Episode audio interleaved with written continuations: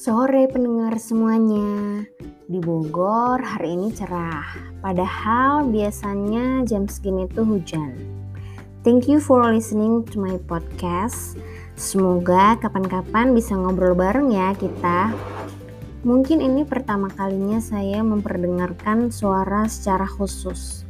Biasanya ya rekam video atau voice recorder untuk video aja untuk isi suara di video-video yang pernah dibikin.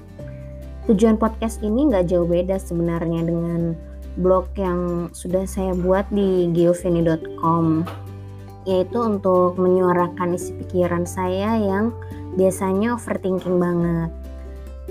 Mulai dari urusan diri sendiri, urusan keluarga, terutama anak, sampai tuntutan-tuntutan pada orang lain, tuntutan-tuntutan pada hidup, pada tetangga, pada keadaan.